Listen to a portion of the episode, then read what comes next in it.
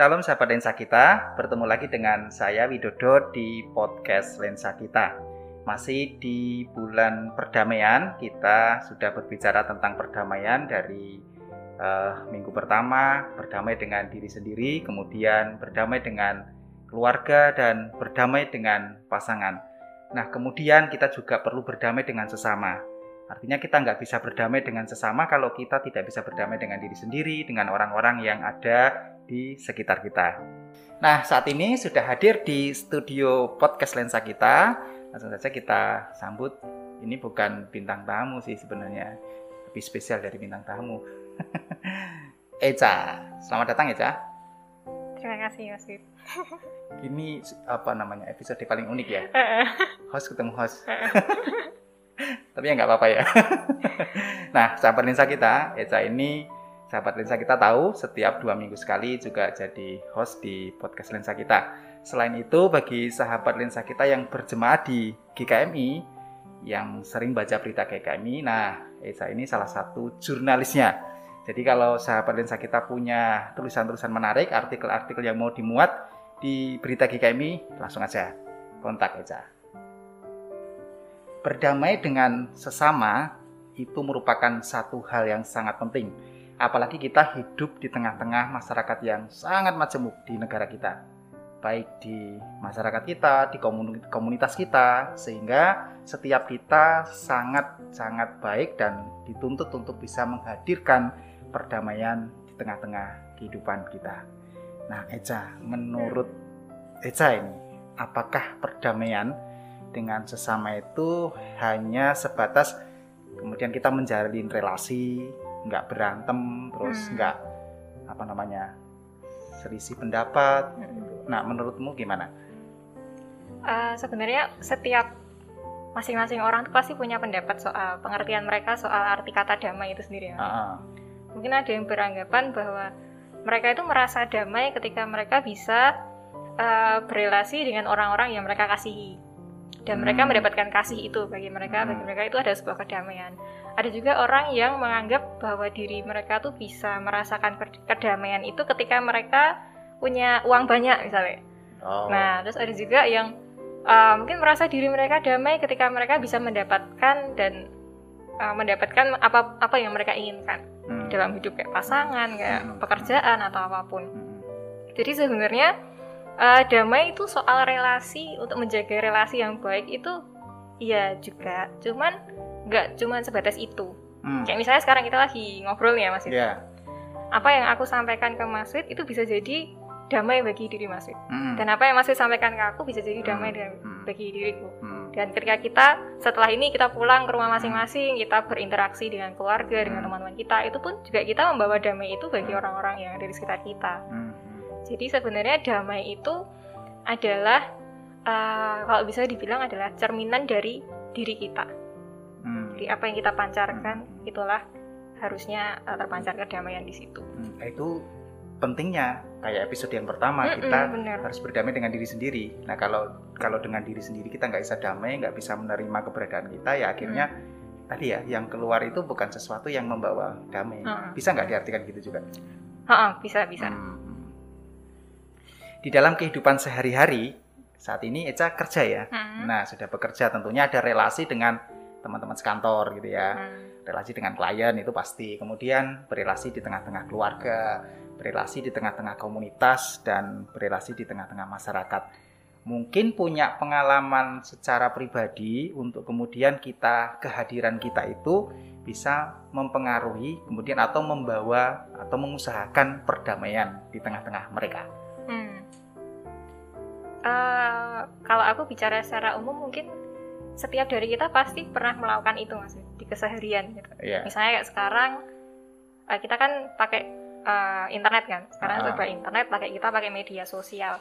Ketika ada orang yang mengeluarkan apa ya misalnya pasang status yang kira-kira itu kontroversial gitu kan. Uh -huh. Jadi kan kita nggak bisa bukan nggak bisa. Uh, kita tuh bisa melihat segala sesuatu tuh dari sudut pandang mana aja.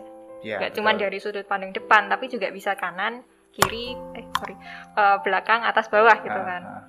jadi kalau misalnya kita uh, menanggapi suatu hal yang bisa memicu konflik hmm. dengan uh, konflik yang baru, nambahi hmm. dengan konflik yang baru, otomatis itu akan terus bergulir konflik-konflik-konflik. Hmm. Jadi peran kita nih, apalagi kita sebagai anak-anak Allah hmm. yang harus menebarkan kasih, menebar, menebarkan damai, itu ya kita sebisa mungkin uh, menggunakan jempol kita ini dengan bijak. Kalau misalnya di medsos, oh, okay. karena jempol kita ini men, apa ya mewujudkan apa yang akan kita omongkan. Dan mulut kita yang kita omongkan itu mencerminkan apa yang ada di dalam pikiran kita. Yeah. Dan apa yang dalam pikiran kita itu mencerminkan apa yang ada dalam hati kita. Jadi semuanya itu berkorelasi loh dari jempol atau sampai bawah gitu. Terus kalau misalnya pengalaman, uh, aku dulu ada waktu SMP sih udah lama ya. Ah. Jadi waktu SMP bukan aku yang berkonflik, aku sebagai pihak ketiga gitu kan ceritanya jadi uh, pihak ketika penyebab konflik atau? Oh bukan, oh. untungnya bukan gitu loh, untungnya bukan. Jadi itu permasalahan uh, hutang mas Wid. Oh. Anak SMP masalahnya tuh hutang. Uh. Waktu itu tuh uh, ada, aku punya dua temen, hmm. cewek semua, sebut saja satu A satu B. Hmm. Nah yang B ini dia tuh uh, pinjem uang ke A, hmm. karena untuk beli pulsa atau apa aku lupa gitu. Akhirnya si A minjemin Nah, tapi kemudian aku melihat mereka itu berantem. Hmm. Terus aku tanya ke A, kalian ada masalah apa gitu kan? Terus si A cerita bahwa ketika dia pengen uang itu kembali, hmm. si B itu uh, pakai berbagai macam alasan terus-menerus untuk nggak mengembalikan uangnya gitu kan. Hmm. Jadi si A merasa kok nggak kembali kembalikan uangku. Hmm. Nah, terus habis itu si B datang ke aku juga masih. Hmm, hmm. Terus dia tanya, Eca kamu ikut marah nggak sama aku? terus aku bilang ngapain itu bukan soalnya kan itu bukan urusanku aku ya gak bakal marah ke kamu kan tapi terus akhirnya si B cerita kalau sebenarnya uh, dia emang benar pinjem uang si si A ah. tapi karena kondisi keluarganya si B itu keuangannya sedang nggak bagus jadi dia nggak hmm. bisa mengembalikan secepatnya gitu nah tapi mungkin komunikasi mereka kurang bagus kan. Nah di situ peranku aku nggak tahu waktu itu aku sudah mikirin kayak gitu. Peranku aku nggak boleh jadi penambah masalah kan aku bisa aja masih mengadu domba mereka ya kan? Ya di situ cerminan uh, ketika kita membawa damai membawa kasih di tengah-tengah kehidupan teman-teman kita itu kita jadi penengah nih. Kita hmm. jadi mediator.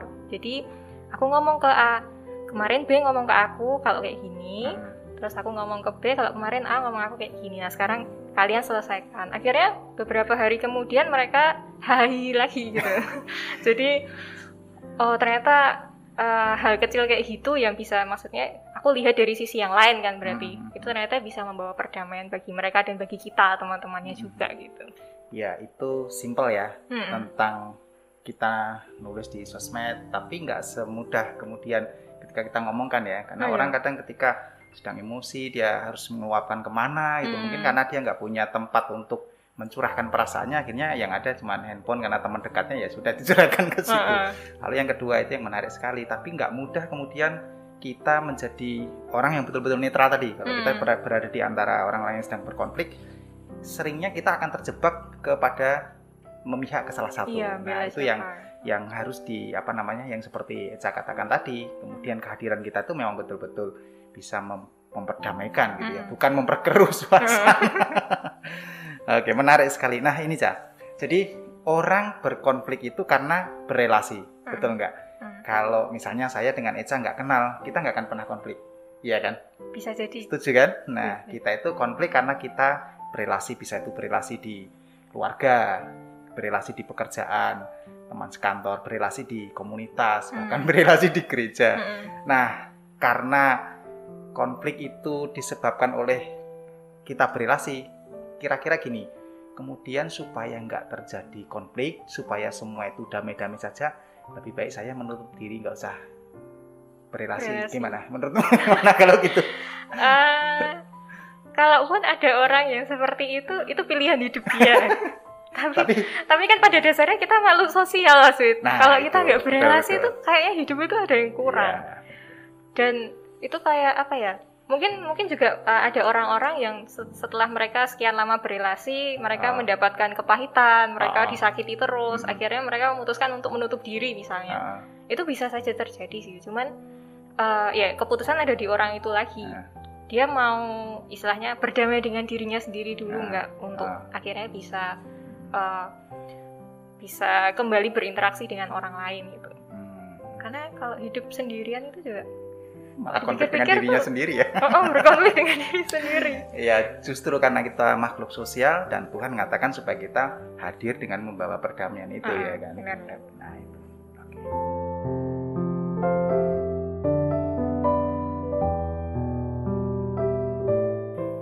Di dalam firman Tuhan itu juga ada satu ayat mungkin lebih ya, tapi yang kita akan soroti di Roma pasal 12 dari ayat 17 sampai 18 itu ada satu perintah supaya kita tuh tetap mengusahakan perdamaian. Betapa hmm. pentingnya kehidupan perdamaian di tengah-tengah masyarakat, di tengah-tengah keluarga dan dalam kehidupan kita keseharian. Nah, saya akan bacakan di dalam Roma pasal 12 ayat 17 sampai 18 begini firman Tuhan. Janganlah membalas kejahatan dengan kejahatan. Lakukanlah apa yang baik bagi semua orang. Sedapat-dapatnya, kalau hal itu bergantung padamu, hiduplah dalam perdamaian dengan semua orang. Nah, menurut Eja, bagaimana kemudian ketika kita meresponi firman Tuhan ini untuk kita aplikasikan dalam kehidupan hmm. kita secara real hari lepas hari. Uh, di situ Tuhan bilang kalau kita harus berdamai dengan semua orang gitu. Hmm, tanpa ya, terkecuali. Itu, ya tanpa terkecuali lagi. Nah, itu, itu itu udah mutlak hukumnya.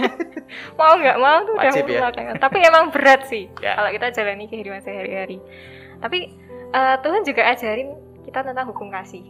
Hmm, kita harus saling mengasihi kan. Ya. Apalagi kalau kita ditampar pipi kanan kita suruh ngasih pipi kiri gitu itu kan satu hal kalau mungkin secara manusiawi logikanya kok jadi manusia itu kok terlalu baik gitu loh ya, ya. ya kan tapi ya emang itu kalau aku mau menyebutkan itu adalah anugerah masih hmm. Tuhan udah memberi kita anugerah untuk saling mengasihi dan saling memberi damai dalam hmm. kehidupan hmm. jadi ketika kita berada di tengah-tengah masyarakat kita sebagai anak-anak Allah otomatis kita harus mencerminkan dua istilahnya apa ajaran dan poin penting yang sudah Tuhan anugerahkan dalam hidup kita. Hmm. Kalau kita mau menciptakan damai, kita juga harus memberikan kasih di menghadirkan kasih di tengah-tengah itu. Yeah. Jadi kayak ada korelasinya dan ketika kita ingin mengasihi orang, otomatis kita juga ingin selalu berdamai dengan mereka. Hmm. Ya. Oke, jadi memang ini apalagi nggak bisa ditawar-tawar ya. Mm -mm. Jadi hiduplah dengan semua orang dalam perdamaian. Hmm. Ya berdamai bukan berarti tadi kemudian kita menutup tidak berelasi ya. Hmm. Justru kehadiran kita itulah yang diharapkan kita boleh mempengaruhi, membawa nilai-nilai kasih di tengah-tengah dunia yang yep. haus akan kasih. haus akan kasih. Nah, Eza, pernahkah memiliki pengalaman apa ya? kalau dikatakan disakiti atau dizolimi hmm. itu mungkin terlalu terlalu menusuk ke hati ya uh, atau pengalaman dijahati orang lain atau siapa pun lah itu. Lalu gimana? Respon bisa respon sesaat atau kemudian respon yang jangka panjang akhirnya bisa mensikapi hal itu secara dewasa? Uh, sepanjang hidupku masih ini ada satu pengalaman yang nggak pernah aku lupakan.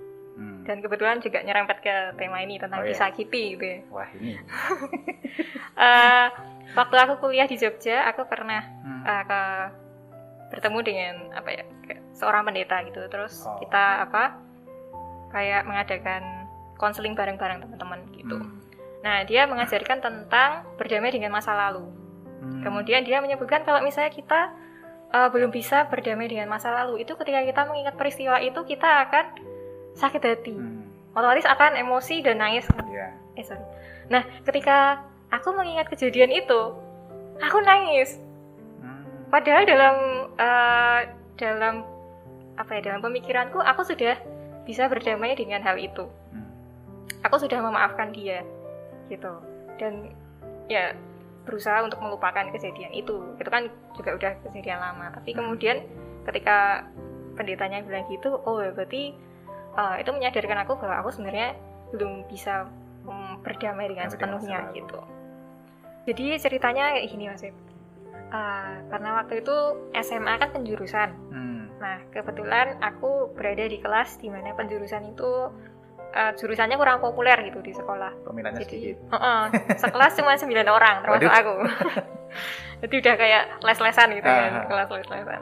Nah otomatis kan kita harus saling berteman satu sama lain harus akrab kan. Hmm. ada satu temen cewek ya biasanya kan kalau cewek-cewek uh, biasa lebih bisa akrab gitu kan. Hmm. nah aku pengen akrab sama anak ini gitu. Hmm. dia juga sama pengen sama aku juga.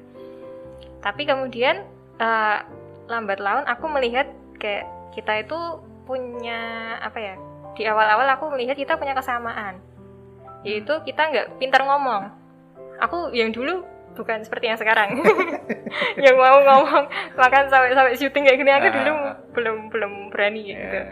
Atau terus aku uh, menemukan solusi di mana oke okay, kita kalau mau ngobrol kita lewat surat.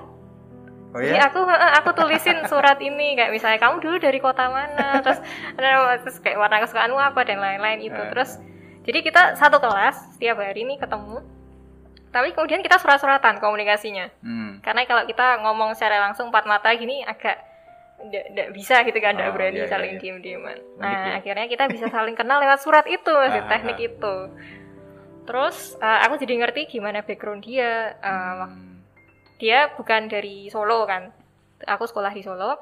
Dia bukan dari Solo, aku tahu background dia, terus bagaimana cara orang tua mendidik dia. Hmm waktu dia SD SMP pun dia pernah dibully gitu kan hmm. termasuk anak yang dibully juga jadi dia ceritain semua di situ otomatis aku tahu background dia jadi hmm.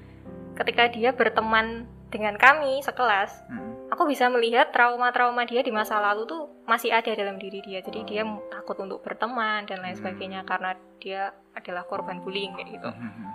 nah uh, satu hal yang menarik dari dia ini adalah ketika dia nggak suka sama sesuatu kalau dia menganggap sifat dari orang lain itu nggak nyaman bagi diri dia, dia hmm. akan marah.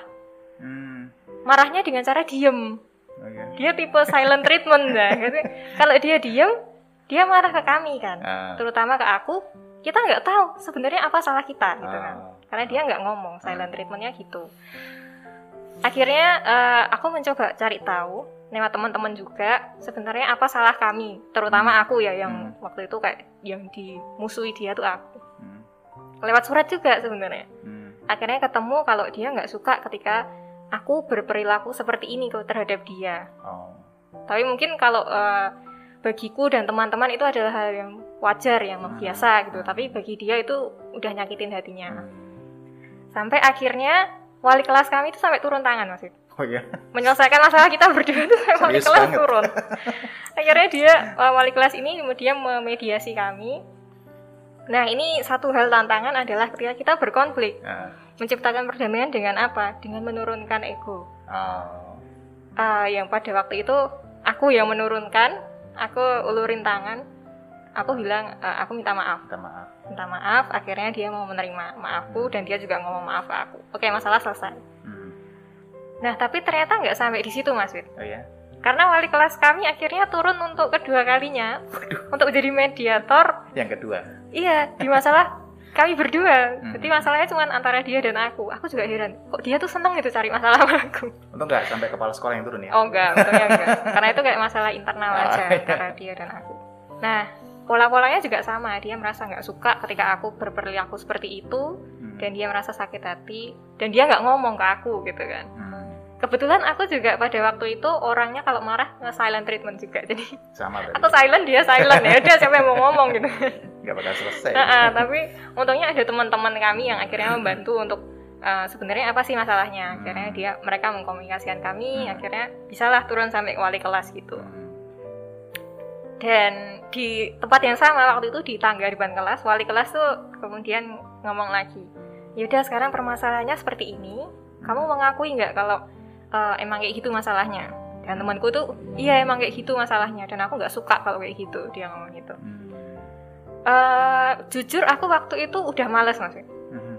masalahnya sama kan? Yeah. diulangi kedua kali. Jadi kayak ah apaan sih ini? Ya udahlah aku minta maaf aja kan gitu. Tapi minta maaf ya ya udah tak minta maaf gitu kan. Kalau yang sebelumnya kan aku harus minta maaf oh, supaya kita oh. bisa berdamai. Yeah, yeah, yeah. karena kan masih ada satu tahun ke depan kita sekelas. Uh. Akhirnya di situ aku yang pertama kali menjulurkan tangan lagi gitu kan oke okay, aku minta maaf gitu aku juga tahu uh, kesalahanku yang buat dia nggak suka itu apa hmm. nah tapi di saat itu dia nggak menjabat tangan nggak menjabat tanganku hmm. sampai wali kelasnya wali kelas kami tanya loh ayo ini Eca udah nganu loh dan julurkan tangan kasihan ah. capek nanti oh, gitu iya. kamu kok nggak mau minta maaf hmm. sekitar satu menitan aku kayak gini terus masih nunggu ini di tangga gitu duduk akhirnya uh, wali kelas kami terus kayak mem, istilahnya apa ya membujuk dia supaya egonya bisa luluh gitu kan akhirnya uh. dia mau jabat tanganku terus dia ngomongin kata maaf uh. tapi mungkin karena uh, konflik kedua itu mungkin permaafan permaafannya tuh gak sepenuh hati mungkin yeah, yeah. dari sisiku juga aku meminta maaf supaya masalah ini selesai gitu akhirnya ada masalah lagi. Hmm. itu di kelas ketika kami kelas 3 saat-saat persiapan ujian gitu kan. Hmm. Ada masalah yang menurut dia itu sudah paling fatal. Bahkan dia mengatakan ke di surat. Hmm. kami surat-suratan lagi hmm. uh, dia ngomong kalau ada dia punya daftar blacklist. Wow mungkin ini baru ya bagi sahabat lensa kita nggak apa aku buka ini kan aku buka karena ini adalah pengalaman yang menurutku tuh menarik juga buat pelajaran kita dia punya daftar blacklist orang-orang yang dia nggak suka dalam hidupnya sampai segitunya ya dia sebutin nama-nama orang ini dan orang-orang ini siapa gitu uh -huh rata eh, rata-rata itu adalah teman-teman yang dia merasa mereka membuli dia. Oh. Dia pernah ngomong ke aku jangan sampai kamu ada namamu di daftar blacklist ini. aku takut kan waktu itu. Tapi akhirnya waktu kelas 3 itu namaku ada di situ. Waduh. Dia sebutkan namaku ada di situ.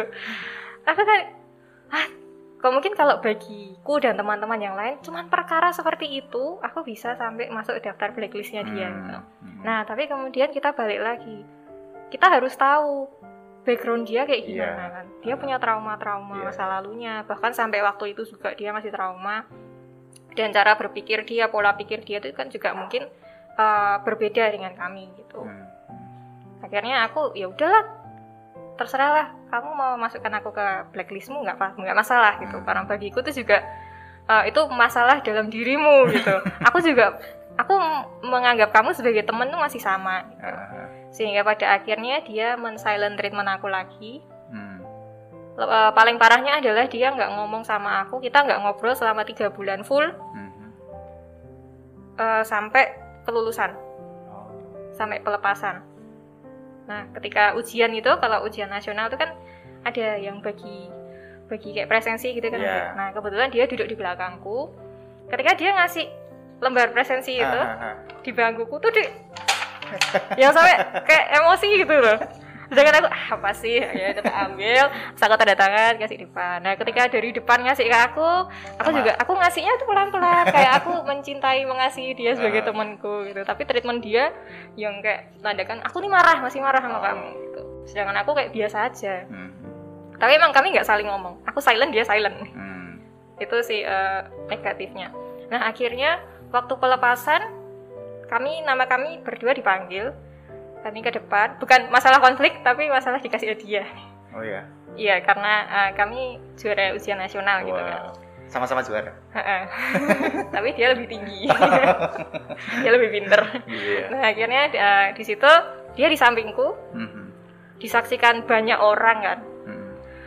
padahal kami udah tiga bulan nggak ngobrol sama sekali mm. dan di situ aku aku entah kenapa ada pikiran uh, lakukan ini sekarang atau enggak oh. juga sekarang atau enggak selamanya uh, gitu kan ini adalah kesempatan terakhirku untuk uh, memecah perang dingin di yeah, antara yeah. kami berdua uh. akhirnya aku menjulurkan tangan ke Mas oh. untuk yang tiga kalinya itu di depan banyak orang ya mm -mm.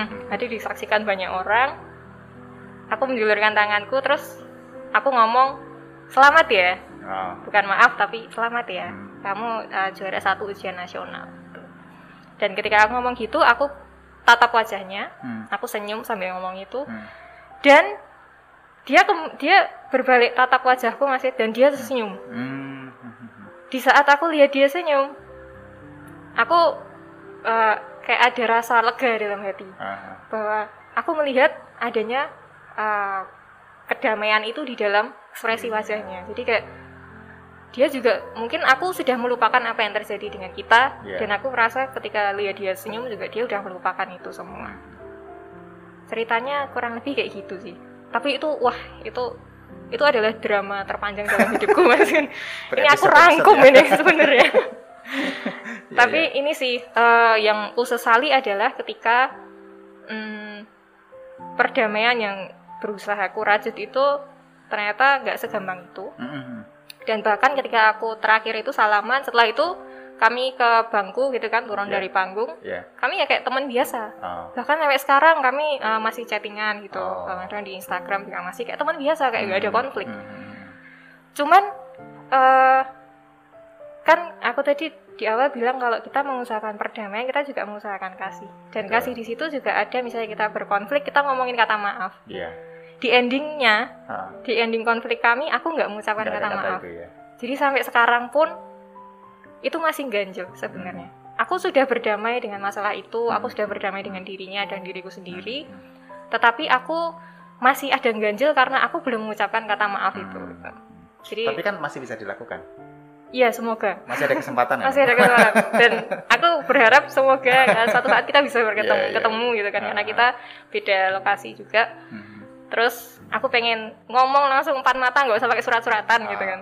Lagi sekarang udah udah lebih dewasa juga uh. untuk menyikapi suatu konflik aku pengen minta maaf ke dia sehingga damainya itu bisa secara utuh oh, aku yeah. ras aku dan dia rasakan kayak gitu tapi uh, aku dari pengalamanku ini aku memetik satu hal mas kalau hmm. aku nggak mau menyesali aku pernah mengalami hal itu hmm. jadi apa yang aku alami dan konflikku dengan dia ini adalah sebuah pembelajaran tersendiri bagi diriku untuk bagaimana memperjuangkan perdamaian, bahkan hmm. berusaha untuk selalu jadi yang pertama untuk minta maaf hmm. dan introspeksi diri juga kita harus mengerti yeah. kondisi orang lain kayak gitu. Hmm. Menarik ya ceritanya panjang sampai lupa aku tadi ceritanya apa. Oh, mau ulangi lagi ya? Jangan, kasihan nanti yang mengikuti ketika kita ingin mengusahakan perdamaian atau kemudian kita menjadi pembawa damai, tentunya ada hambatan itu pasti ya. Ada hambatan, ada tantangan, ada macam-macam yang yang kemudian tidak membuat usaha kita itu semulus yang kita hmm. inginkan gitu ya seperti tadi pengalamannya Eca. Lalu menurut Eca apa itu kira-kira? Lalu tips-tipsnya supaya uh, mungkin kita ngalami kayak gini tapi kita tuh mau melakukannya masih sulit gitu. Hmm. Nah, gimana aja menurutmu? Uh, karena membawa damai adalah keharusan dari anak-anak Allah. Hmm. Jadi emang itu mandatnya bagi kita. Gitu. Yeah. Dan mau nggak mau kita juga harus menjalani itu masih. Hmm. Nah, tapi emang ada tantangannya. Kayak misalnya ketika, ketika kita menghadapi konflik kayak aku tadi kan. Hmm. Uh, sebenarnya udah ada sih maksud aku omongin waktu aku cerita itu. Iya yeah, iya yeah, iya. Yeah. Uh, tipsnya itu. Yang pertama otomatis adalah ego kita tantangan terbesar itu adalah ego kita. Diri kita sendiri sebenarnya ya. diri kita sendiri. Jadi memang uh, ketika kita menghadapi konflik otomatis kan ego kita uh, kayak melindungi diri bukan kamu bukan aku yang salah yeah. kamu kamu yang salah. Harga diri juga kan. Iya mereka duluan yang mulai bukan aku. Jadi bukan aku yang harus minta maaf kan gitu. Nah di situ konflik pertama tuh ada sebenarnya di situ uh, hal yang terpenting pertama itu gitu. Jadi berdamai dengan diri sendiri Betul. itu adalah kunci pertama ya, untuk kita setuju. bisa memperjuangkan perdamaian dengan yang lain. Hmm. Jadi ketika kita berdamai dengan diri sendiri, kita menganggap bahwa ketika ada masalah, hmm. kita harus lihat dari sudut pandang yang, yang lain juga. Hmm. Dan bahwa ketika kita menjadi orang yang pertama kali menjulurkan tangan untuk minta maaf, hmm. itu bukan berarti kita merendahkan harga diri kita Betul. di hadapan orang itu. Betul. Tetapi kita sedang memperjuangkan perdamaian kita memperjuangkan rekonsiliasi supaya damai itu terjadi gitu. Dan ketika kita minta maaf kan otomatis reaksi orang kan eh kok dia bisa ya minta maaf duluan ya? Hmm. nah kemudian ada kan orang-orang ketika gitu padahal kan yang salah aku sebenarnya. Jadi kan yeah. otomatis langsung malu gitu kan aduh kok dia dulu ya? Udah aku juga minta maaf. Akhirnya ah. kemudian bisa rekonsiliasi. Itu yang pertama adalah ego. Terus yang kedua kita harus tahu kondisi orang lain ketika kita mau memperjuangkan kedamaian kita harus tahu uh, mereka punya kebiasaan apa pola pikir mereka background mereka gitu kayak temanku hmm. tadi kan kita ternyata punya perbedaan oh.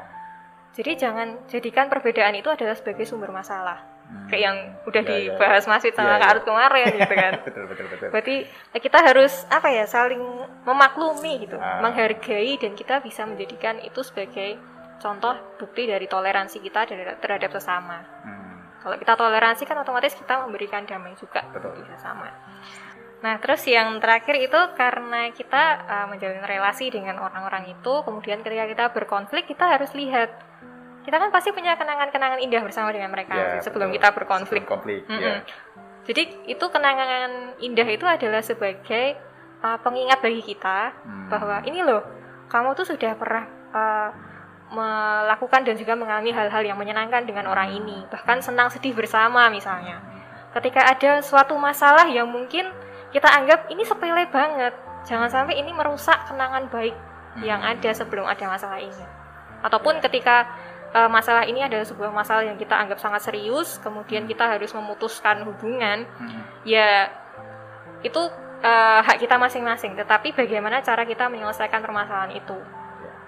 Uh, dalam konteks ini kita nggak boleh dong menyelesaikannya dengan baku hantam misalnya atau dengan konflik yang baru gitu ya selesaikanlah dengan dewasa secara ah. dewasa uh. dengan uh, saling terbuka bahwa yeah. aku nggak bisa menerima seperti ini uh, okay. kemudian perdamaian itu tentu akan tercipta gitu terus uh, ini mungkin agak kasar mas oh ya mungkin jadi kalau misalnya kita ingin memperjuangkan perdamaian dengan orang lain uh otomatis kan kita harus berdamai dengan diri kita sendiri. Yeah. Tapi ketika kita memiliki uh, dendam, hmm. ketika kita memiliki musuh hmm. dalam diri kita, dalam hidup hmm. kita, kita punya musuh nih, hmm. yaitu namanya munafik. Kalau kita ingin menciptakan perdamaian, kalau kita masih punya musuh, kita masih punya dendam dengan orang lain. Belum beres ya diri kita. Kita harus membereskan diri kita sendiri Betul. dengan cara berdamai dengan diri kita yeah. sendiri Kembali lagi ke iya, awal. Iya, itu cuma siklusnya tuh muter-muter yeah. gitu sebenarnya. Makanya itu dulu jadi pembicaraan di topik pertama. Betul. Ya, yang terakhir ini kesimpulannya sebenarnya rangkum dari awal sampai iya, akhir. gitu.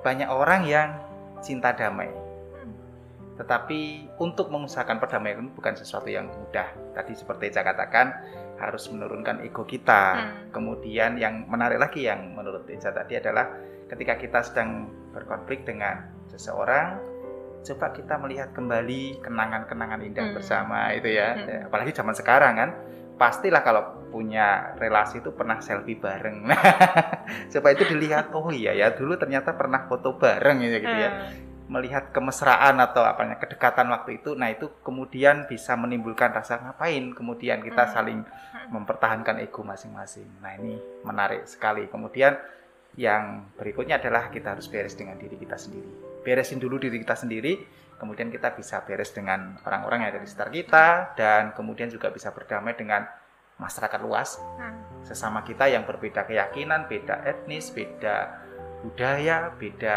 macam-macam lah ya yang ada di sekitar kita yang kita temui setiap hari. Terima kasih Eca untuk sharingnya di episode yang sangat spesial ini.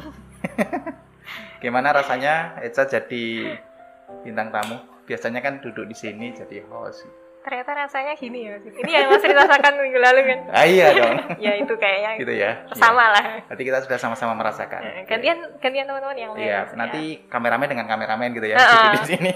Terus kita yang nyoteng ya. Nah gantian supaya semua memang merasakan. Nah, hmm. karena memang konsep uh, podcast lensa kita ini kan dari kita untuk kita untuk semua kita. gitu. Jadi supaya kita semua bisa saling berbagi hmm. mengenai pengalaman hidup dan tentunya tentang firman Tuhan Sahabat lensa kita, kita sudah sampai di penghujung episode kali ini.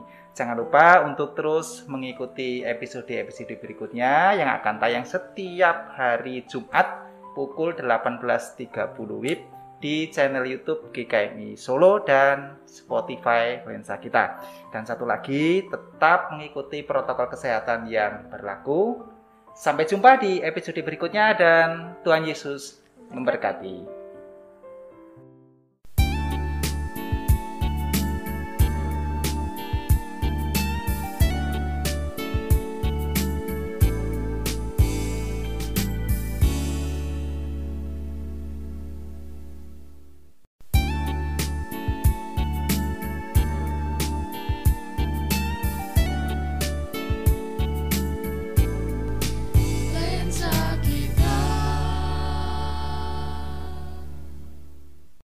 Shalom sahabat lensa kita, bertemu lagi dengan saya Widodo di podcast lensa kita.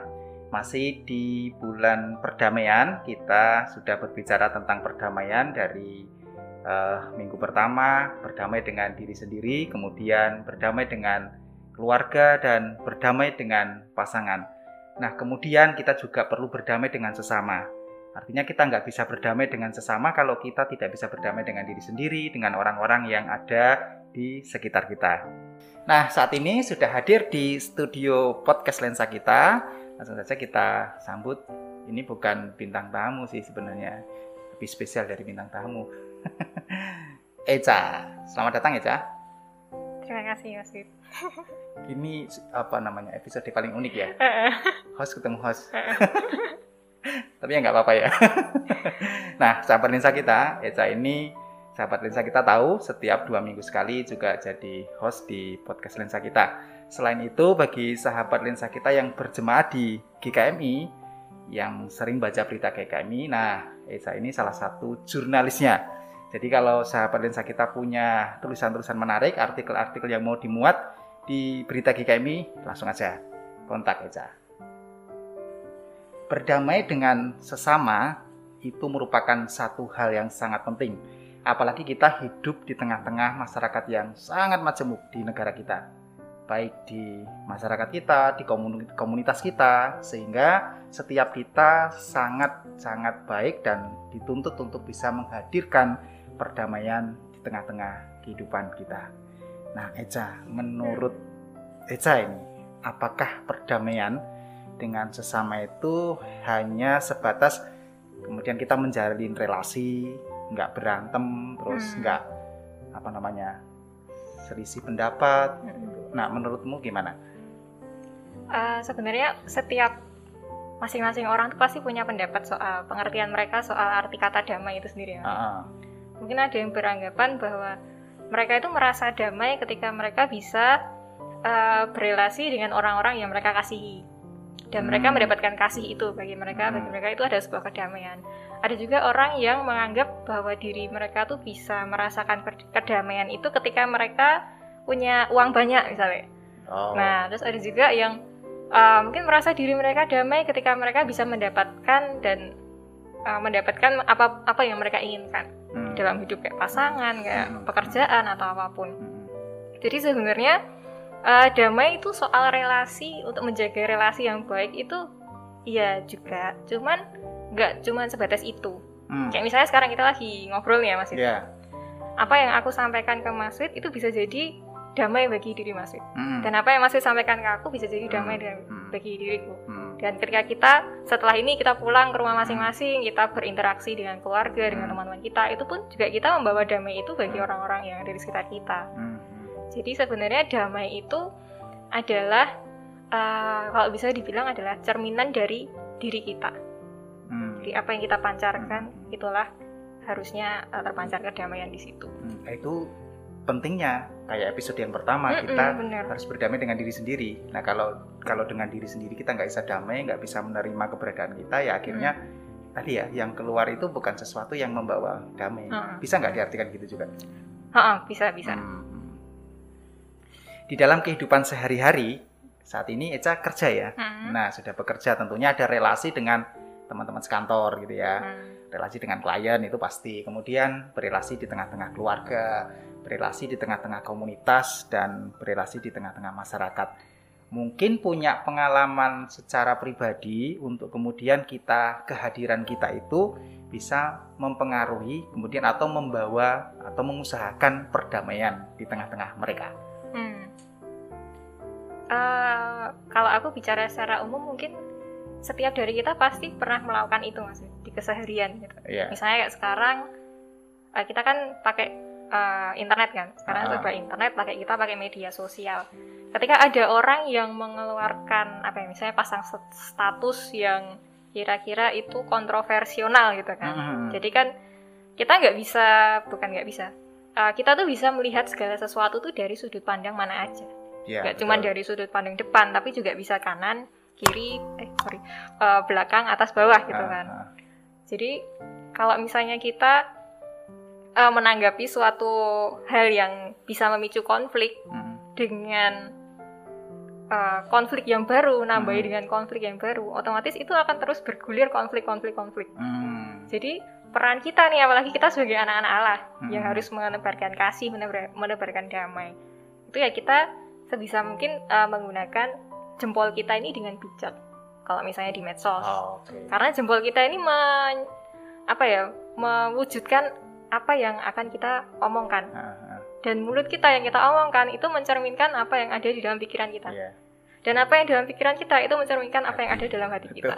Jadi semuanya itu berkorelasi loh dari jempol atau sampai bawah gitu.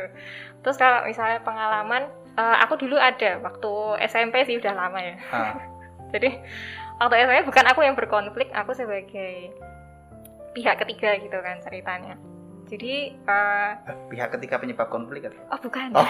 untungnya bukan gitu loh, untungnya bukan. Jadi itu permasalahan uh, hutang mas Oh. Anak SMP masalahnya tuh hutang. Uh. Waktu itu tuh uh, ada, aku punya dua temen, hmm. cewek semua, sebut saja satu A satu B. Hmm. Nah yang B ini dia tuh uh, pinjem uang ke A, hmm. karena untuk beli pulsa atau apa aku lupa gitu. Akhirnya si A minjemin Nah, tapi kemudian aku melihat mereka itu berantem. Hmm. Terus aku tanya ke A, kalian ada masalah apa gitu kan? Terus si A cerita bahwa ketika dia pengen uang itu kembali, hmm. si B itu uh, pakai berbagai macam alasan terus-menerus untuk nggak mengembalikan uangnya gitu kan. Hmm. Jadi si A merasa kok nggak kembali kembalikan uangku. Hmm. Nah, terus habis itu si B datang ke aku juga masih. Hmm, hmm. Terus dia tanya, Eca kamu ikut marah nggak sama aku? terus aku bilang ngapain? Itu bukan soalnya kan itu bukan urusanku. Aku ya gak bakal marah ke kamu kan.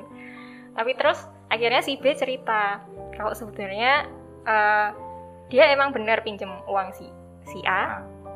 Tapi karena kondisi keluarganya si B itu keuangannya sedang nggak bagus jadi dia nggak bisa mengembalikan secepatnya gitu nah tapi mungkin komunikasi mereka kurang bagus kan. Nah di situ peranku aku nggak tahu waktu itu aku sudah mikirin kayak gitu. Peranku aku nggak boleh jadi penambah masalah kan aku bisa aja masih mengadu domba mereka ya kan?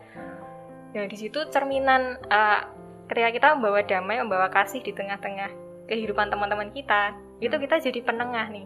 Kita hmm. jadi mediator. Jadi aku ngomong ke A kemarin B ngomong ke aku kalau kayak gini hmm. terus aku ngomong ke B kalau kemarin A ngomong aku kayak gini. Nah sekarang kalian selesaikan akhirnya beberapa hari kemudian mereka hai lagi gitu jadi oh ternyata uh, hal kecil kayak gitu yang bisa maksudnya aku lihat dari sisi yang lain kan berarti hmm. itu ternyata bisa membawa perdamaian bagi mereka dan bagi kita teman-temannya hmm. juga gitu ya itu simple ya hmm. tentang kita nulis di sosmed tapi nggak semudah kemudian ketika kita ngomongkan ya karena oh, orang ya. kadang ketika sedang emosi dia harus menguapkan ke mana itu hmm. mungkin karena dia nggak punya tempat untuk mencurahkan perasaannya akhirnya yang ada cuma handphone karena teman dekatnya ya sudah dicurahkan ke situ. Uh, uh. Lalu yang kedua itu yang menarik sekali tapi nggak mudah kemudian kita menjadi orang yang betul-betul netral tadi. Kalau hmm. kita berada di antara orang lain yang sedang berkonflik, seringnya kita akan terjebak kepada memihak ke salah satu. Iya, nah, itu yang yang harus di apa namanya yang seperti Eca katakan tadi. Kemudian kehadiran kita itu memang betul-betul bisa mem memperdamaikan gitu ya, hmm. bukan memperkeruh suasana. Oke, menarik sekali. Nah, ini Cak. Jadi orang berkonflik itu karena berelasi, hmm. betul nggak? Hmm. Kalau misalnya saya dengan Eca nggak kenal, kita nggak akan pernah konflik, iya kan?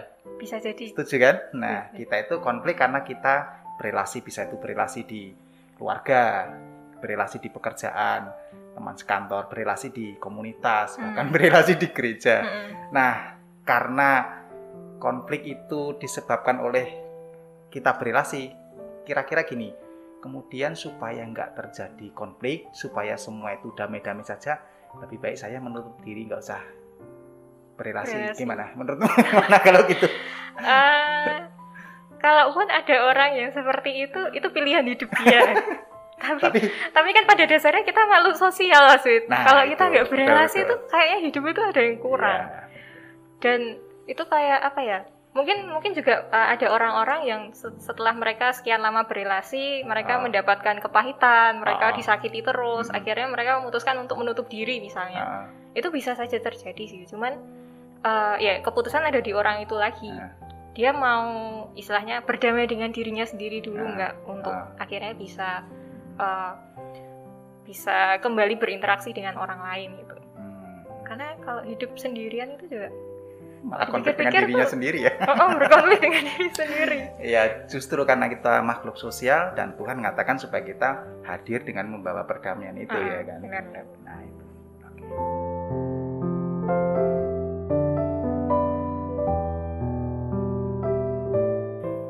Di dalam firman Tuhan itu juga ada satu ayat mungkin lebih ya, tapi yang kita akan soroti di Roma pasal 12 dari ayat 17 sampai 18 itu ada satu perintah supaya kita tuh tetap mengusahakan perdamaian. Betapa hmm. pentingnya kehidupan perdamaian di tengah-tengah masyarakat, di tengah-tengah keluarga dan dalam kehidupan kita keseharian. Nah, saya akan bacakan di dalam Roma pasal 12 ayat 17 sampai 18 begini firman Tuhan.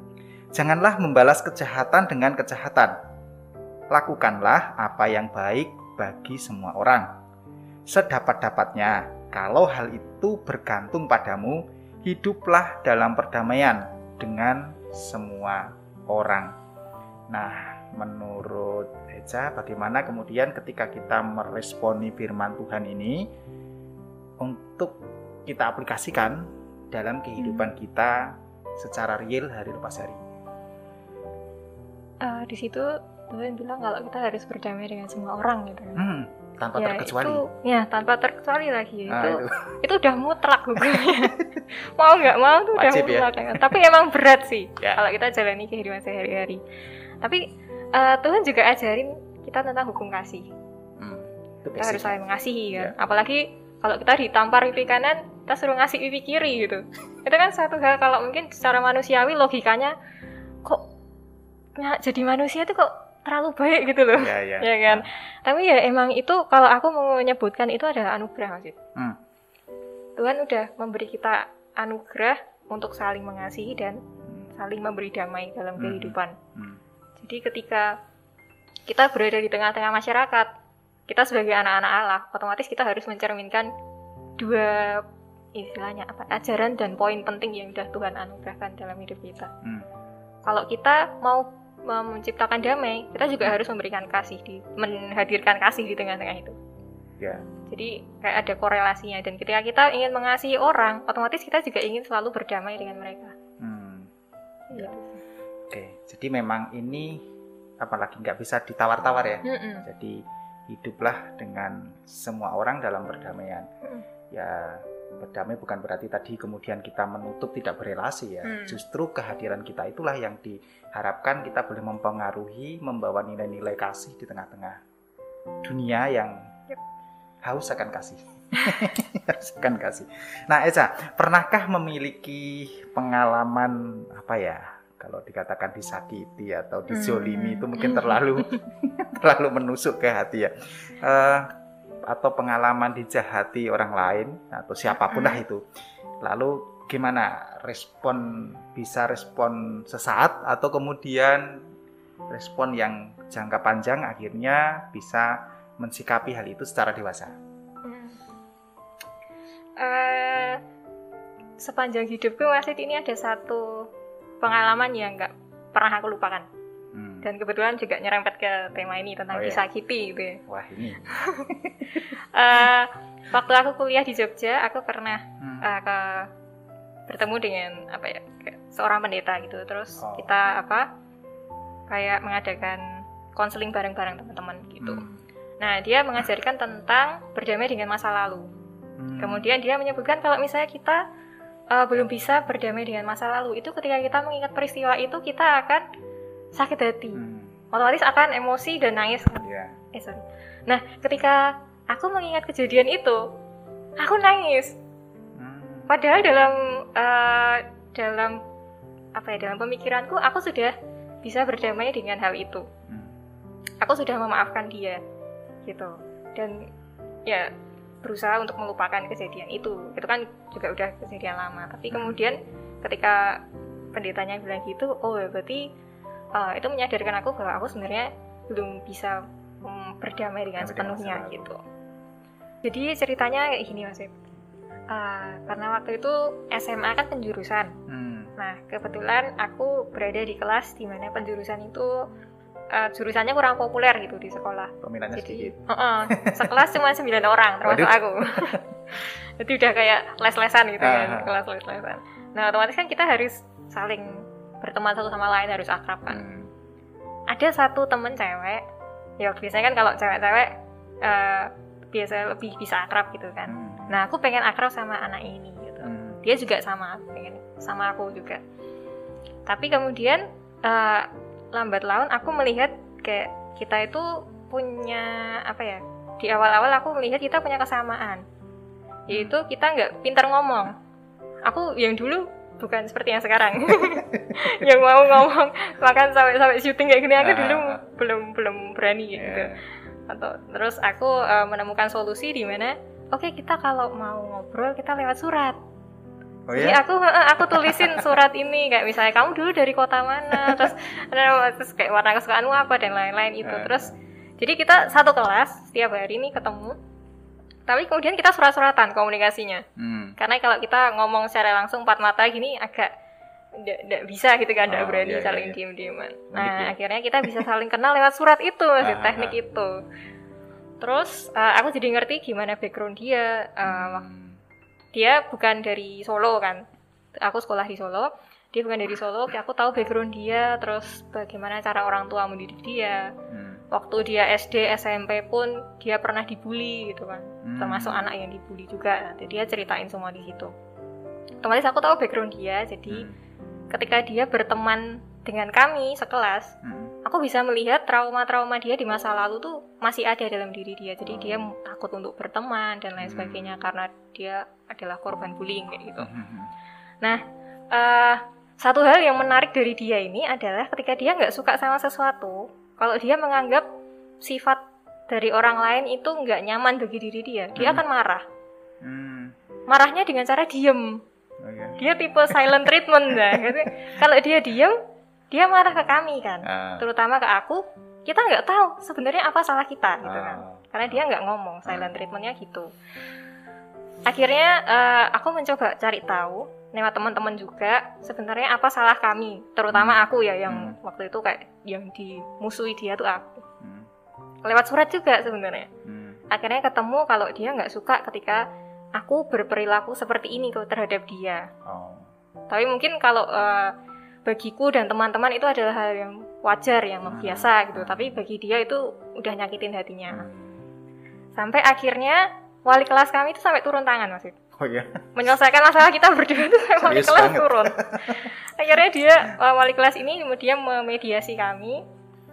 Nah ini satu hal tantangan adalah ketika kita berkonflik uh. menciptakan perdamaian dengan apa? Dengan menurunkan ego. Oh. uh, yang pada waktu itu aku yang menurunkan aku ulurin tangan. Aku bilang uh, aku minta maaf. Minta maaf. Minta maaf akhirnya dia mau menerima maafku dan dia juga ngomong maaf ke aku. Oke masalah selesai. Hmm. Nah tapi ternyata nggak sampai di situ mas Wid. Oh ya karena wali kelas kami akhirnya turun untuk kedua kalinya. Waduh. untuk jadi mediator. Yang kedua? Iya di masalah kami berdua. Hmm. jadi masalahnya cuma antara dia dan aku. Aku juga heran kok dia tuh seneng gitu cari masalah sama aku? Untung nggak sampai kepala sekolah yang turun ya? Oh enggak untungnya enggak karena itu kayak masalah internal oh, aja iya. antara dia dan aku. Nah pola-polanya juga sama. Dia merasa nggak suka ketika aku berperilaku seperti itu hmm. dan dia merasa sakit hati dan dia nggak ngomong ke aku gitu kan. Hmm kebetulan aku juga pada waktu itu orangnya kalau marah nge silent treatment juga jadi sama aku silent dia silent ya udah siapa yang mau ngomong gitu nggak bakal selesai nah, uh, tapi untungnya ada teman-teman kami yang akhirnya membantu untuk uh, sebenarnya apa sih masalahnya hmm. akhirnya dia mereka mengkomunikasikan kami hmm. akhirnya bisalah turun sampai wali kelas gitu hmm. dan di tempat yang sama waktu itu di tangga di depan kelas wali kelas tuh kemudian ngomong lagi yaudah sekarang permasalahannya seperti ini kamu hmm. mengakui nggak kalau uh, emang kayak gitu masalahnya. Dan temanku tuh iya emang kayak gitu masalahnya. Dan aku nggak suka kalau kayak gitu dia ngomong gitu. Uh, jujur aku waktu itu udah males mas. Hmm. masalahnya sama kan? Yeah. diulangi kedua kali. Jadi kayak ah apaan sih ini? Ya udahlah aku minta maaf aja kan gitu. Tapi minta maaf ya ya udah tak minta maaf gitu kan. Kalau yang sebelumnya kan aku harus minta maaf oh, supaya kita oh. bisa berdamai. Yeah, yeah, yeah, karena kan masih ada satu tahun ke depan kita sekelas. Uh.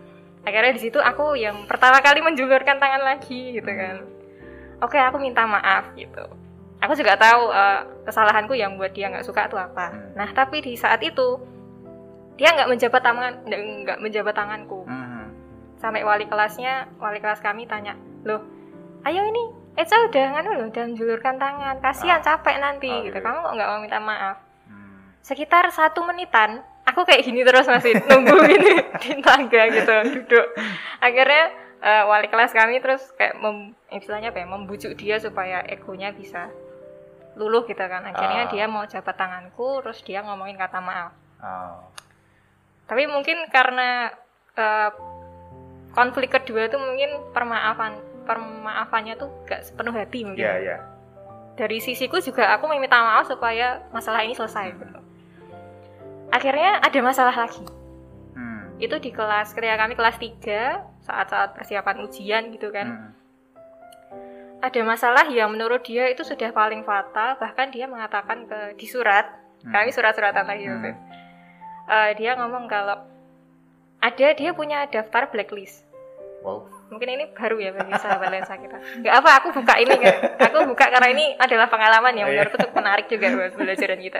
Dia punya daftar blacklist orang-orang yang dia nggak suka dalam hidupnya. Sampai segitunya ya? Dia sebutin nama-nama orang ini dan orang-orang ini siapa gitu. Uh -huh.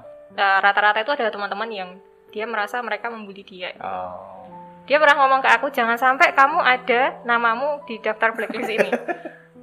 Aku takut kan tapi akhirnya waktu kelas 3 itu namaku ada di situ Waduh. dia sebutkan namaku ada di situ aku kan ah kok mungkin kalau bagiku dan teman-teman yang lain cuman perkara seperti itu aku bisa sampai masuk daftar blacklistnya dia hmm. gitu. Hmm. nah tapi kemudian kita balik lagi kita harus tahu background dia kayak iya. gimana yeah. kan dia punya trauma-trauma yeah. masa lalunya bahkan sampai waktu itu juga dia masih trauma dan cara berpikir dia pola pikir dia itu kan juga mungkin uh, berbeda dengan kami gitu hmm. akhirnya aku ya udahlah terserah lah kamu mau masukkan aku ke blacklistmu nggak nggak masalah gitu hmm. karena bagiku tuh juga uh, itu masalah dalam dirimu gitu aku juga aku menganggap kamu sebagai temen tuh masih sama gitu. uh. sehingga pada akhirnya dia men-silent treatment aku lagi hmm. uh, paling parahnya adalah dia nggak ngomong sama aku kita nggak ngobrol selama tiga bulan full hmm. uh, sampai kelulusan oh. sampai pelepasan. Nah, ketika ujian itu kalau ujian nasional itu kan ada yang bagi bagi kayak presensi gitu kan. Yeah. Nah, kebetulan dia duduk di belakangku. Ketika dia ngasih lembar presensi itu uh, uh, uh. di bangkuku tuh di yang sampai kayak emosi gitu loh sedangkan aku ah, apa sih? Ya kita ambil. Terus aku tanda tangan kasih depan. Nah ketika dari depan ngasih ke aku aku juga aku ngasihnya tuh pelan pelan kayak aku mencintai mengasihi dia sebagai temanku gitu. Tapi treatment dia yang kayak tandakan aku nih marah masih marah sama kamu gitu. Sedangkan aku kayak biasa aja. Hmm. tapi emang kami nggak saling ngomong. Aku silent dia silent. Hmm. itu sih uh, negatifnya. Nah akhirnya waktu pelepasan kami nama kami berdua dipanggil kami ke depan. Bukan masalah konflik tapi masalah dikasih hadiah. Oh iya. Iya karena uh, kami juara ujian nasional wow. gitu kan. Sama-sama juara? Tapi dia lebih tinggi. Dia lebih pinter. Yeah. nah akhirnya uh, di situ dia di sampingku. Mm-hmm. disaksikan banyak orang kan. Mm. padahal kami udah tiga bulan nggak ngobrol sama sekali. Mm. dan di situ aku aku entah kenapa ada pikiran uh, lakukan ini sekarang atau enggak oh. juga sekarang atau nggak selamanya uh, gitu kan ini adalah kesempatan terakhirku untuk uh, uh, memecah perang dingin di yeah, antara yeah. kami berdua uh. akhirnya aku menjulurkan tangan ke Mas oh. untuk yang tiga kalinya itu di depan banyak orang ya mm -mm. jadi disaksikan banyak orang aku menjulurkan tanganku terus aku ngomong selamat ya oh. bukan maaf tapi selamat ya hmm. kamu uh, juara satu ujian nasional dan ketika aku ngomong gitu aku tatap wajahnya hmm. aku senyum sambil ngomong itu. Hmm. dan dia ke, dia berbalik tatap wajahku masih dan dia tersenyum hmm. di saat aku lihat dia senyum aku uh, kayak ada rasa lega dalam hati. Uh bahwa aku melihat adanya uh, kedamaian itu di dalam ekspresi wajahnya. Jadi kayak dia juga mungkin aku sudah melupakan apa yang terjadi dengan kita yeah. dan aku merasa ketika lihat dia senyum juga dia udah melupakan itu semua ceritanya kurang lebih kayak gitu sih tapi itu wah itu itu adalah drama terpanjang dalam hidupku mas ini aku rangkum ya. ini sebenarnya iya, tapi yeah. ini sih uh, yang aku sesali adalah ketika um, perdamaian yang berusaha aku rajut itu ternyata nggak segampang itu mm -hmm. Dan bahkan ketika aku terakhir itu salaman setelah itu kami ke bangku gitu kan turun yeah. dari panggung yeah. kami ya kayak teman biasa oh. bahkan sampai sekarang kami uh, masih chattingan gitu oh. kadang di Instagram juga masih kayak teman biasa kayak nggak ada hmm. konflik hmm. cuman uh, kan aku tadi di awal bilang kalau kita mengusahakan perdamaian kita juga mengusahakan kasih dan Betul. kasih di situ juga ada misalnya kita berkonflik kita ngomongin kata maaf yeah. Di endingnya huh. di ending konflik kami aku nggak mengucapkan kata, kata maaf itu, ya. jadi sampai sekarang pun itu masih ganjil sebenarnya. Hmm. Aku sudah berdamai dengan masalah itu, aku sudah berdamai dengan dirinya dan diriku sendiri. Tetapi aku masih ada ganjil karena aku belum mengucapkan kata maaf itu. Hmm. Jadi Tapi kan masih bisa dilakukan. Iya, semoga. Masih ada kesempatan Masih ada kesempatan. Dan aku berharap semoga ya, suatu saat kita bisa berketemu yeah, yeah. ketemu gitu kan karena kita beda lokasi juga. Hmm. Terus aku pengen ngomong langsung empat mata nggak usah pakai surat-suratan gitu ah. kan. Lagi sekarang udah udah lebih dewasa juga untuk menyikapi suatu konflik aku pengen minta maaf ke dia sehingga damainya itu bisa secara utuh oh, aku yeah. ras aku dan dia rasakan kayak gitu tapi uh, aku dari pengalamanku ini aku memetik satu hal mas kalau hmm. aku nggak mau menyesali aku pernah mengalami hal itu hmm. jadi apa yang aku alami dan konflikku dengan dia ini adalah sebuah pembelajaran tersendiri bagi diriku untuk bagaimana memperjuangkan perdamaian, bahkan hmm. berusaha untuk selalu jadi yang pertama untuk minta maaf hmm. dan introspeksi diri juga kita harus mengerti yeah. kondisi orang lain kayak gitu. Hmm. Menarik ya ceritanya panjang sampai lupa aku tadi ceritanya apa. Oh, mau ulangi lagi ya? Jangan, kasihan nanti yang mengikuti ketika kita ingin mengusahakan perdamaian atau kemudian kita menjadi pembawa damai, tentunya ada hambatan itu pasti ya. Ada hambatan, ada tantangan, ada macam-macam yang yang kemudian tidak membuat usaha kita itu semulus yang kita hmm. inginkan gitu ya, seperti tadi pengalamannya Eca. Lalu menurut Eca apa itu kira-kira? Lalu tips-tipsnya supaya uh, mungkin kita ngalami kayak gini tapi kita tuh mau melakukannya masih sulit gitu. Hmm. Nah, gimana aja menurutmu? Uh, karena membawa damai adalah keharusan dari anak-anak Allah. Hmm. Jadi emang itu mandatnya bagi kita. Ya. Yeah. Dan mau nggak mau kita juga harus menjalani itu masih. Hmm. Nah, tapi emang ada tantangannya. Kayak misalnya ketika, ketika kita menghadapi konflik kayak aku tadi kan. Hmm. Uh, sebenarnya udah ada sih maksud aku omongin waktu aku cerita itu. Iya, yeah, iya, yeah, iya. Yeah. Uh, tipsnya itu. Yang pertama otomatis adalah ego kita tantangan terbesar itu adalah ego kita. Diri kita sendiri sebenarnya ya. diri kita sendiri. Jadi memang uh, ketika kita menghadapi konflik otomatis kan ego kita uh, kayak melindungi diri nih. bukan kamu bukan aku yang salah yeah. kamu kamu yang salah harga diri juga ya. Iya. Mereka duluan yang mulai bukan aku. Jadi bukan aku yang harus minta maaf kan gitu. Nah di situ konflik pertama tuh ada sebenarnya di situ uh, hal yang terpenting pertama itu jadi berdamai dengan diri sendiri Betul. itu adalah kunci pertama ya, untuk kita setuju. bisa memperjuangkan perdamaian dengan yang lain. Hmm. Jadi ketika kita berdamai dengan diri sendiri, kita menganggap bahwa ketika ada masalah, hmm. kita harus lihat dari sudut pandang yang, lain, yang lain juga. Hmm. Dan bahwa ketika kita menjadi orang yang pertama kali menjulurkan tangan untuk minta maaf, hmm. itu bukan berarti kita merendahkan harga diri kita Betul. di hadapan orang itu. Betul. Tetapi kita sedang memperjuangkan perdamaian kita memperjuangkan rekonsiliasi supaya damai itu terjadi gitu. Dan ketika kita minta maaf kan otomatis reaksi orang kan eh kok dia bisa ya minta maaf duluan ya? Hmm. nah kemudian ada kan orang-orang ketika gitu padahal kan ya salah aku sebenarnya. Jadi kan yeah. otomatis langsung malu gitu kan aduh kok dia dulu? Ya udah aku juga minta maaf. Akhirnya kemudian ah. bisa rekonsiliasi. Itu yang pertama adalah ego. Terus yang kedua kita harus tahu kondisi orang lain ketika kita mau memperjuangkan kedamaian kita harus tahu uh, mereka punya kebiasaan apa pola pikir mereka background mereka gitu kayak temanku hmm. tadi kan kita ternyata punya perbedaan oh. jadi jangan jadikan perbedaan itu adalah sebagai sumber masalah hmm. kayak yang udah ya, ya, ya. dibahas ya. Masih sama ya, Kak Arut kemarin gitu kan betul, betul, betul. berarti kita harus apa ya saling memaklumi gitu ah. menghargai dan kita bisa menjadikan itu sebagai contoh bukti dari toleransi kita terhadap sesama hmm Kalau kita toleransi kan otomatis kita memberikan damai juga Betul. bisa sama. Nah, terus yang terakhir itu karena kita uh, menjalin relasi dengan orang-orang itu, kemudian ketika kita berkonflik, kita harus lihat kita kan pasti punya kenangan-kenangan indah bersama dengan mereka ya, sebelum betul. kita berkonflik. Sebelum konflik, mm -hmm. ya. Jadi itu kenangan indah itu adalah sebagai uh, pengingat bagi kita hmm. bahwa ini loh, kamu tuh sudah pernah uh, melakukan dan juga mengalami hal-hal yang menyenangkan dengan orang ini, bahkan senang sedih bersama misalnya. Ketika ada suatu masalah yang mungkin kita anggap ini sepele banget jangan sampai ini merusak kenangan baik yang hmm. ada sebelum ada masalah ini ataupun ketika uh, masalah ini adalah sebuah masalah yang kita anggap sangat serius kemudian kita harus memutuskan hubungan hmm. ya itu uh, hak kita masing-masing tetapi bagaimana cara kita menyelesaikan permasalahan itu uh, dalam konteks ini kita nggak boleh dong menyelesaikannya dengan baku hantam misalnya atau dengan konflik yang baru gitu ya selesaikanlah dengan dewasa secara ah. dewasa uh. dengan uh, saling terbuka bahwa yeah. aku nggak bisa menerima seperti ini uh, okay. kemudian perdamaian itu tentu akan tercipta gitu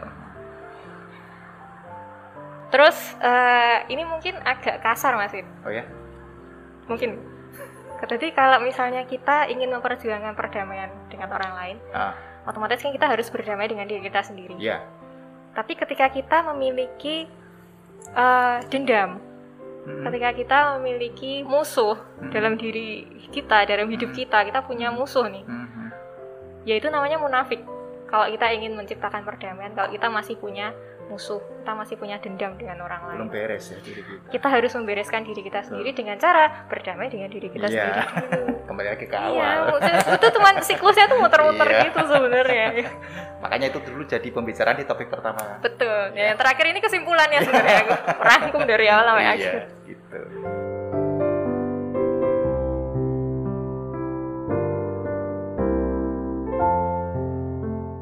Banyak orang yang cinta damai tetapi untuk mengusahakan perdamaian bukan sesuatu yang mudah. Tadi seperti saya katakan harus menurunkan ego kita. Hmm. Kemudian yang menarik lagi yang menurut Eja tadi adalah ketika kita sedang berkonflik dengan seseorang, coba kita melihat kembali kenangan-kenangan indah hmm. bersama itu ya. Hmm. Apalagi zaman sekarang kan, pastilah kalau punya relasi itu pernah selfie bareng. coba itu dilihat, oh iya ya dulu ternyata pernah foto bareng gitu, gitu ya. Hmm melihat kemesraan atau apanya kedekatan waktu itu nah itu kemudian bisa menimbulkan rasa ngapain kemudian kita hmm. saling mempertahankan ego masing-masing. Nah ini menarik sekali. Kemudian yang berikutnya adalah kita harus beres dengan diri kita sendiri. Beresin dulu diri kita sendiri kemudian kita bisa beres dengan orang-orang yang ada di sekitar kita dan kemudian juga bisa berdamai dengan masyarakat luas. Hmm. sesama kita yang berbeda keyakinan beda etnis beda budaya, beda macam-macam lah ya yang ada di sekitar kita yang kita temui setiap hari. Terima kasih Eca untuk sharingnya di episode yang sangat spesial ini. Gimana rasanya Eca jadi bintang tamu? Biasanya kan duduk di sini jadi host ternyata rasanya gini ya ini yang mas rasakan minggu lalu kan? Ah, iya dong.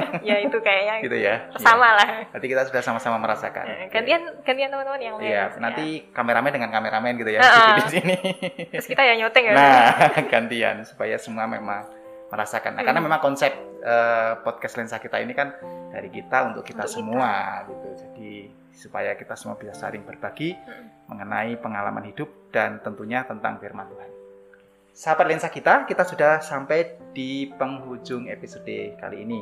Jangan lupa untuk terus mengikuti episode-episode berikutnya yang akan tayang setiap hari Jumat pukul 18.30 WIB di channel YouTube GKMI Solo dan Spotify lensa kita.